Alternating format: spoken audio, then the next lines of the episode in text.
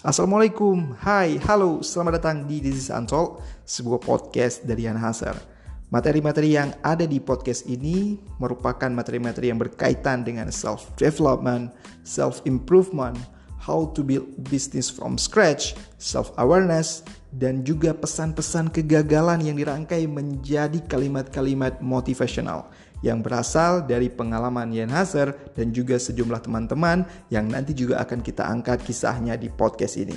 Jadi di mana pun kamu berada saat ini, please enjoy This is Untold.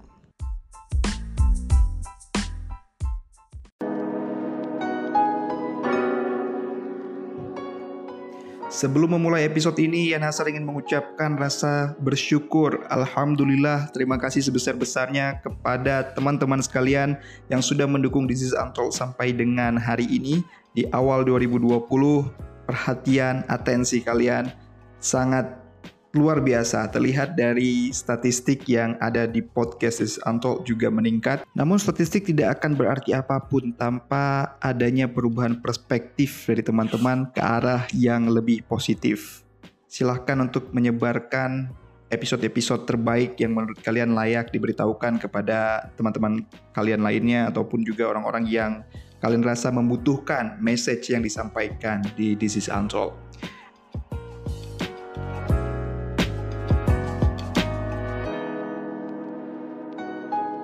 Siapa sih yang suka kegagalan di dunia ini? Kalau mereka nggak pernah mendengar kalimat gagal itu adalah kesuksesan yang tertunda, saya rasa tidak akan ada yang berniat untuk gagal. Namun, ya kegagalan terjadi aja begitu kan. Dan akhirnya kita baru bisa menyikapinya setelah kita paham makan di balik kegagalan. Tapi tetap aja yang namanya kegagalan itu kan gak enak. Ya gak sih? Ya kalau ujian remedial kan gak enak. Mendingan ujian gak remedial. Ya kalau enggak malu-maluin karena kita melakukan sesuatu yang kita rasa itu merupakan yang hal inovatif tapi ternyata orang nggak menerima dan malah menjadikan kita bahan tertawaan ya mungkin nggak semua orang bisa survive dari hal itu.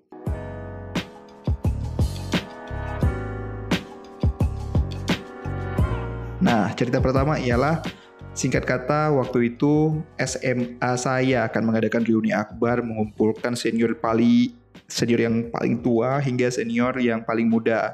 Nah akhirnya dipilihlah MC-nya itu ialah Yan Haser kan, karena Yan Haser pada saat itu ya ibaratnya ketua OSIS gitu, charming gitu, bisa menyesuaikan diri dengan eh, para senior, para junior, guru-guru, tamu-tamu gitu kan. Jadi mungkin diperhatikan bahwa ini orang paling layak nih, paling cocok nih buat menjadi jembatan agar acara itu cair, bisa memimpin acaranya supaya lebih seru, supaya lebih uh, gokil gitu. Ya, akhirnya jadilah MC singkat kata. Nah, pada saat jadi MC, ini berbeda nih kondisinya dengan MC yang biasanya kalau di acara di SMA yang nggak melibatkan senior-senior yang paling tua. Ini karena yang paling tua, jadi kita tuh nggak punya waktu untuk menyesuaikan jokes yang mungkin akan kena nih ke junior eh ke senior-senior yang paling tua gitu.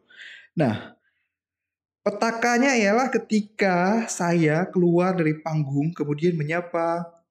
Jadi nama sekolahnya singkat kata ya nih nama sekolahnya tuh model bangsa ya model bangsa. Nah jadi kita tuh punya singkatan Mosa gitu. Akhirnya keluar panggung kan keluar dari tirai set MC akan dipimpin oleh MC Riana Asri. Langsung teriak Mosa Mosa. Sing Jadi sebenarnya tuh pengen ketika Mosa Mosa itu disebutkan orang-orang tuh kayak ada crowdnya dulu gitu kan. Kayak ye atau apa ye segala macam gitu. Dan memang teman-teman yang seangkatan ya Nasir pada saat itu juga yang namanya mungkin ngelihat ini apa gitu belum ada komando sebelumnya padahal udah disampaikan sih ya. Sebelum acara itu ya Nasir tuh udah bilang nih ntar kalau teriak Mosa Mosa tolong dibantu ya kreatif, kreatif, mosa, mosa, prestatif, prestatif. Ternyata pada saat keluar panggung teriak dengan yel-yel, mosa, mosa, sing. Gak ada yang menyambut yel-yel itu. Gimana tuh rasanya? Gimana tuh rasanya? Memalukan sekali kan? Dan bahkan salah satu senior yang juga merupakan penyanyi nasional langsung dengan terang-terangan mengatakan MC garing, MC kepedean. saya sih sebenarnya nggak terlalu masalah ya dikatain seperti itu ya bagus. Di saat orang lain krisis percaya diri saya terlalu berlebihan gitu rasa percaya dirinya. Pengen saya sumbangin juga pengen saya donasiin juga tuh rasa percaya diri saya ke orang yang ngomong kayak gitu. Tapi ya udah kita nggak usah terlalu membahas orang ini tapi ini saya mengatakannya bukan dengan rasa sakit hati, tapi memang ini momen yang memalukan. Dan teguran itu membuat saya akhirnya berpikir bahwa oke, okay, kita nggak bisa menyamaratakan semua cara yang kita inginkan untuk memimpin crowd. Nah, itu dia tuh kegagalan memalukan yang pertama. Itu terjadi waktu SMA. Kegagalan memalukan yang kedua itu terjadi ketika berkuliah. Jadi singkat kata, sebagai anak IPA, yang nyebrang ke IPS gitu kan. Ya Nasr tuh masuk kuliahnya itu di Fakultas Ilmu Sosial Ilmu Politik, jurusannya Ilmu Komunikasi. Dan di semester awal itu ada mata kuliah yang namanya itu Ekonomika Pembangunan Sosial. Keren dong, Ekonomika Pembangunan Sosial. Jadi ini salah satu mata kuliah yang menurut saya itu yang paling asik lah karena kita bisa tahu nih kondisi negara itu seperti apa, terus teori-teori yang bisa kita gunakan untuk memperbaiki ekonomi dan juga membangun masyarakat itu seperti apa. Akhirnya tibalah pada hari UTS. Jadi sebelum UTS tuh belajar gila-gilaan dong. Ya gimana dari SMA unggulan gitu kan masuk uh, kuliah dan IPS lagi dulu kan apa namanya uh, kita punya pandangan bahwa IPS tuh ya apa sih IPS ya anak IPA masuk ke IPS ya seharusnya cum laude lah ya gitu kan pemikirannya. Ya, ya akuin aja yang kalian anak IPA nyebrang ke IPS pasti punya pemikiran kayak gitu. Kayaknya nggak ada sih yang berpikir anak IPS nyebrang ke IPA terus dia bisa jadi juara di IPA atau cum laude di IPA. Kayaknya nggak ada, ya kan? Oke lah, akhirnya masuk ke UTS, udah belajar, begadang, udah bikin kayak ringkasan ujian gitu. Akhirnya pada saat UTS, itu kayaknya bikin soal bukan dosen yang biasa ngajar deh. Ini saya ingat banget nih dosen yang ngajar itu namanya Pak Hanafi. Yang diajarkan saya tuh udah memahami semua, malah menghafal. Menghafal dari catatan yang saya punya dari materi yang dia bagikan gitu kan. Udah saya hafal semuanya. Dan ternyata di ujian gak ada satupun yang keluar. Pertanyaan yang keluar tuh pertanyaan-pertanyaan ajaib yang gak pernah diajarkan sama dia. Tahu nggak yang saya lakukan itu apa?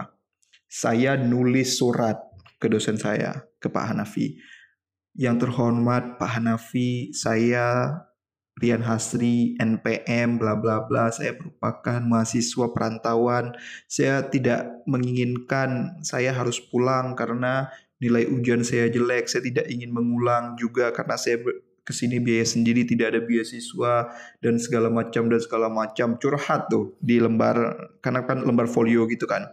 Itu yang Nasir tulis semua curhatan-curhatan. Jadi pengen keinginannya ialah Pak, saya ingin mendapatkan nilai A dari ujian ini. Bagaimana caranya? Tapi ini soalnya sama sekali berbeda dari apa yang sudah Bapak sampaikan. Materi-materi yang sudah Bapak sampaikan sudah saya pahami, sudah saya hafalkan. Seperti ini Pak. Ya Nasir tulis tuh semua uh, yang ada di kepala dan dan juga masih teringat gitu kan. Tulis semua tulis semua teori-teorinya terus bagaimana cara untuk pemecahan masalahnya gitu tulis semua. Nah sampai itu minta nambah kertas, nambah kertas folio. Jadi kayak kalau folio itu kan berarti dua lembar, berarti nambah dua lembar lagi berarti jadi empat lembar. Semuanya itu curhatan sampai di akhir ditutup dengan Pak kali ini saya memohon pada Bapak agar saya diluluskan dari ujian ini karena semua materi yang sudah Bapak jelaskan, Bapak sampaikan dan Bapak share dari slide-slide Bapak sudah saya tuliskan semua di sini walaupun ini sama sekali tidak menjawab pertanyaan yang ada di UTS kali ini. Udah kumpulkan tuh. Eh pakai tanda tangan dulu, pakai tanda tangan dulu. Uh, dari mahasiswa baru yang terluka. Wow, kirim tuh kan. Eh kirim kumpulin tuh. Dan alhamdulillahnya tuh setelah UTS akhirnya kan masuk dosennya masuk nih. Dia ngomong, mahasiswa sekalian, saya nggak menyangka kalian ternyata kesulitan ya dengan soal ujian yang saya berikan. Itu sebenarnya bukan saya semua sih yang nulis soal. Be, bukan dia semua ternyata yang nulis soal. Jadi kayak ada lima soal gitu, dia mengatakan bahwa hanya satu soal yang dia berikan, gitu kan. Terus ditambah lagi kalimat penjelasannya. Namun yang saya heran gitu ya, ada yang menuliskan surat cinta untuk saya minta diluluskan dan dia sebenarnya nggak menjawab apa pun dari soal ujian itu. Dia hanya menceritakan cerita perjuangan untuk masuk UI dan kemudian kesulitannya menjawab soal dan dia minta nilai A. Gimana sih mau kasih nilai A sementara dia nggak jawab sama sekali? Coba jujur, siapa nih yang tulis uh, jawaban seperti itu? Saya ingat nih namanya, depannya R. Udah dong, itu semua mahasiswa baru yang ada di ruangan pada saling lihat-lihatan R. RY, RY, RY, RY pada heboh. Oh, ketua angkatan nih, ketua angkatan. Oh, itu ketua angkatan kan. Ya, ya, ya udah kamu ya, ya sudah besok kamu harus banyak belajar lagi. Akhirnya tahu nggak efek banyak belajar lagi itu gimana? Jadi tiap ada soal, tiap ada pertanyaan, tiap ada masalah yang berkaitan dengan ekonomi pembangunan sosial, yang nasab tuh disuruh maju ke depan. Udah kayak soal SMA gitu. Jadi jawab jawab jawab tuh di papan tulis, jawab tuh di papan tulis. Ya kan? Jadi orang-orang tuh nggak dipeduliin dan setiap orang tuh kayaknya menjadikan yang nasab tuh tameng gitu. Kalau ada yang belum ngerti ini sedia nih, ada yang ingin ditanyakan nih sedia nih udah gitu aja terus emang ya begitu nyampe di Jakarta tuh kayaknya manusia-manusianya emang manusia-manusia yang suka cari aman gitu jadi ibaratnya kalau orang bisa dijorokin ya dijorokin aja dulu gitu. Mereka cari aman gitu kan. Ya itu yang terjadi. Penjilatnya juga luar biasa gitu. Di depan dosennya baik banget di belakang dimaki dimaki-maki dicaci-caci dikata-katain sembarangan gitu. Ya ini dosen ini nggak layak nih gini segala macam. Terus di depannya gila sopan banget. Ya bagus sih salut. Ya masalahnya kita tuh nggak terbiasa kayak gitu kan. Maksudnya dari daerah datang ke Jakarta memang kita kalau sama guru emang ada persoalan, ya kita jujur-jujuran gitu. Itu habit yang ada di SMA saya tuh kayak gitu. Dan ternyata di sini sebenarnya kita udah ngumpul kan. Misalnya ada satu kondisi ya kita pengen menolak ya kuis-kuis itulah jangan dibikin kuis karena kita belum siap. Itu awalnya semua udah kompak tuh mau ngomong kan. Akhirnya udah ntar kalau dosen yang ngomong kita semua acungin tangan apa acungin tangan angkat tangan aja kasih tahu bahwa kuis-kuis seperti itu nggak nggak seharusnya dibuat lagi nih kalau di perkuliahan. Nah akhirnya tiba pada saat dosennya masuk lagi mau kuis saya angkat tangan duluan buat mancing kan. Kasih tahu bahwa pak ini kita sepertinya jangan uh, ada kuis lah karena sebelumnya juga nilai kita udah jelek banget dan bahkan kalau ada kuis nanti nilai pembaginya kan makin banyak jadi nilai kita makin kecil lagi seperti itu kan. Terus akhirnya dosennya ini dia agak naik emosinya gitu. Uh, ngasih tahu bahwa kamu tuh gimana sih? Ini kan juga membantu kamu. Jadi dengan semakin banyak nilai kuis semakin banyak kita lakukan kuis jadi poin nilainya juga semakin besar. Masalah pembaginya itu urusan saya gitu kan.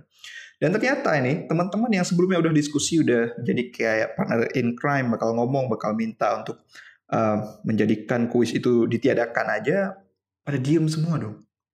Diem semua. Malah kayak lupa gitu, kayak lupa sebelumnya pernah diskusi kita akan ngomong ke dosennya bahwa kuis ini nggak diperlukan gitu.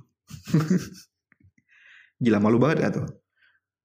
Ya gimana ya, udah gagal UTS, terus dosennya juga kayak ngecap ya Nasir tuh anaknya keras kepala, nggak mau ikut aturan dosen gitu kan.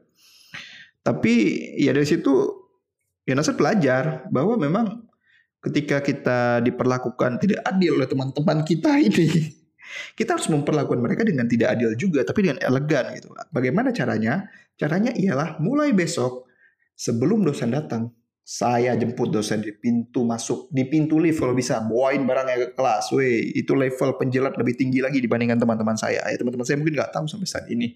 Dan akhirnya kalau mereka mendengar ini, mereka tahu ya. Dan ternyata Bagusnya ialah setelah UAS keluar nilai yang hasil B+. B dong.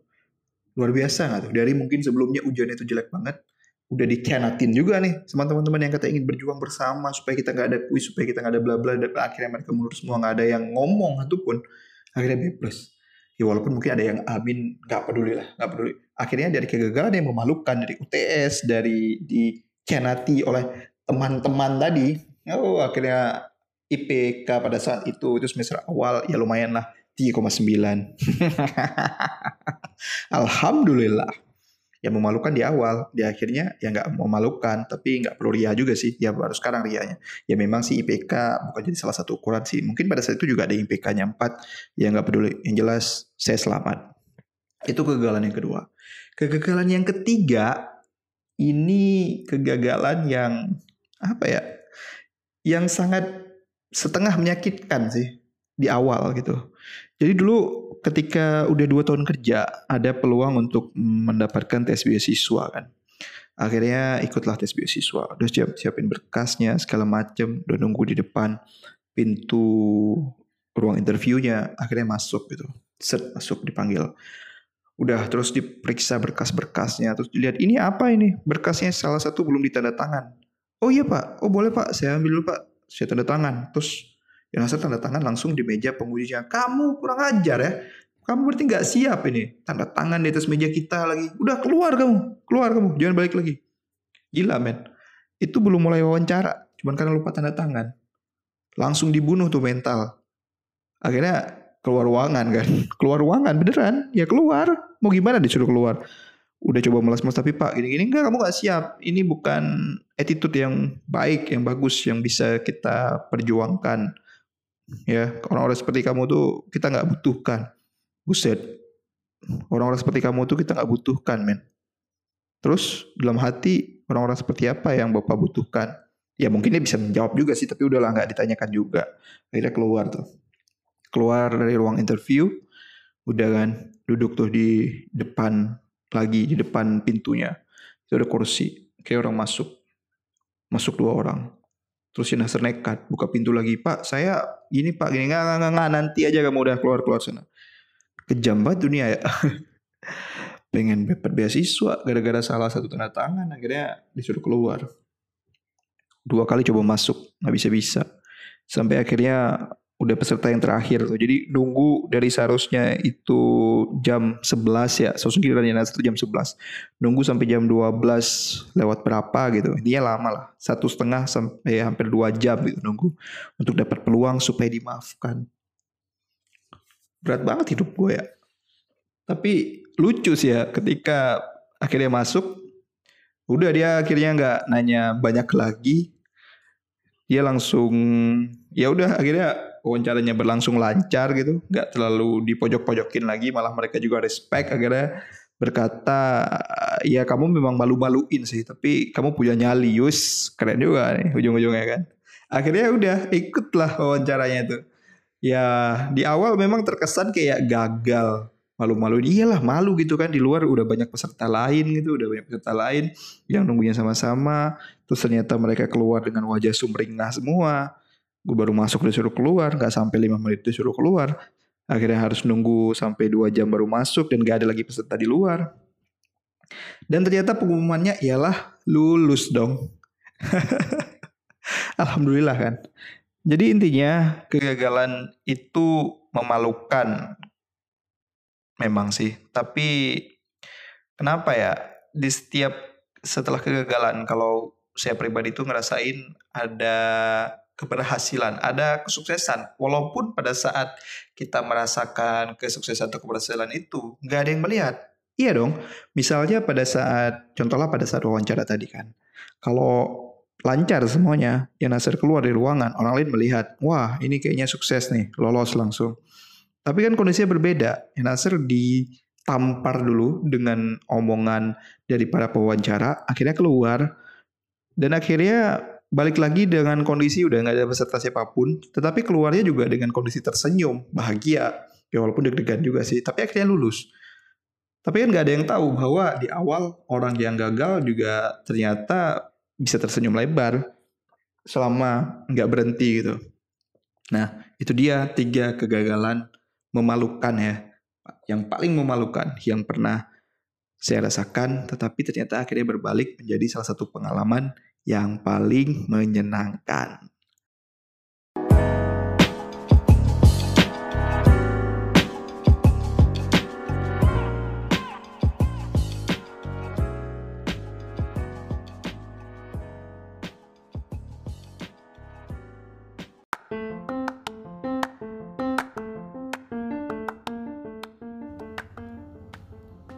Terima kasih sudah mendengarkan episode podcast kali ini dan jika kalian mendapatkan manfaat dari podcast-podcast This is Untalk, tolong sebarkan ke teman-teman kalian, ajak mereka juga mendengarkan This is Untalk karena akan lebih baik jika energi positif yang kalian dapatkan juga kalian tularkan ke sekeliling kalian. Sampai bertemu di episode selanjutnya di This is Untalk.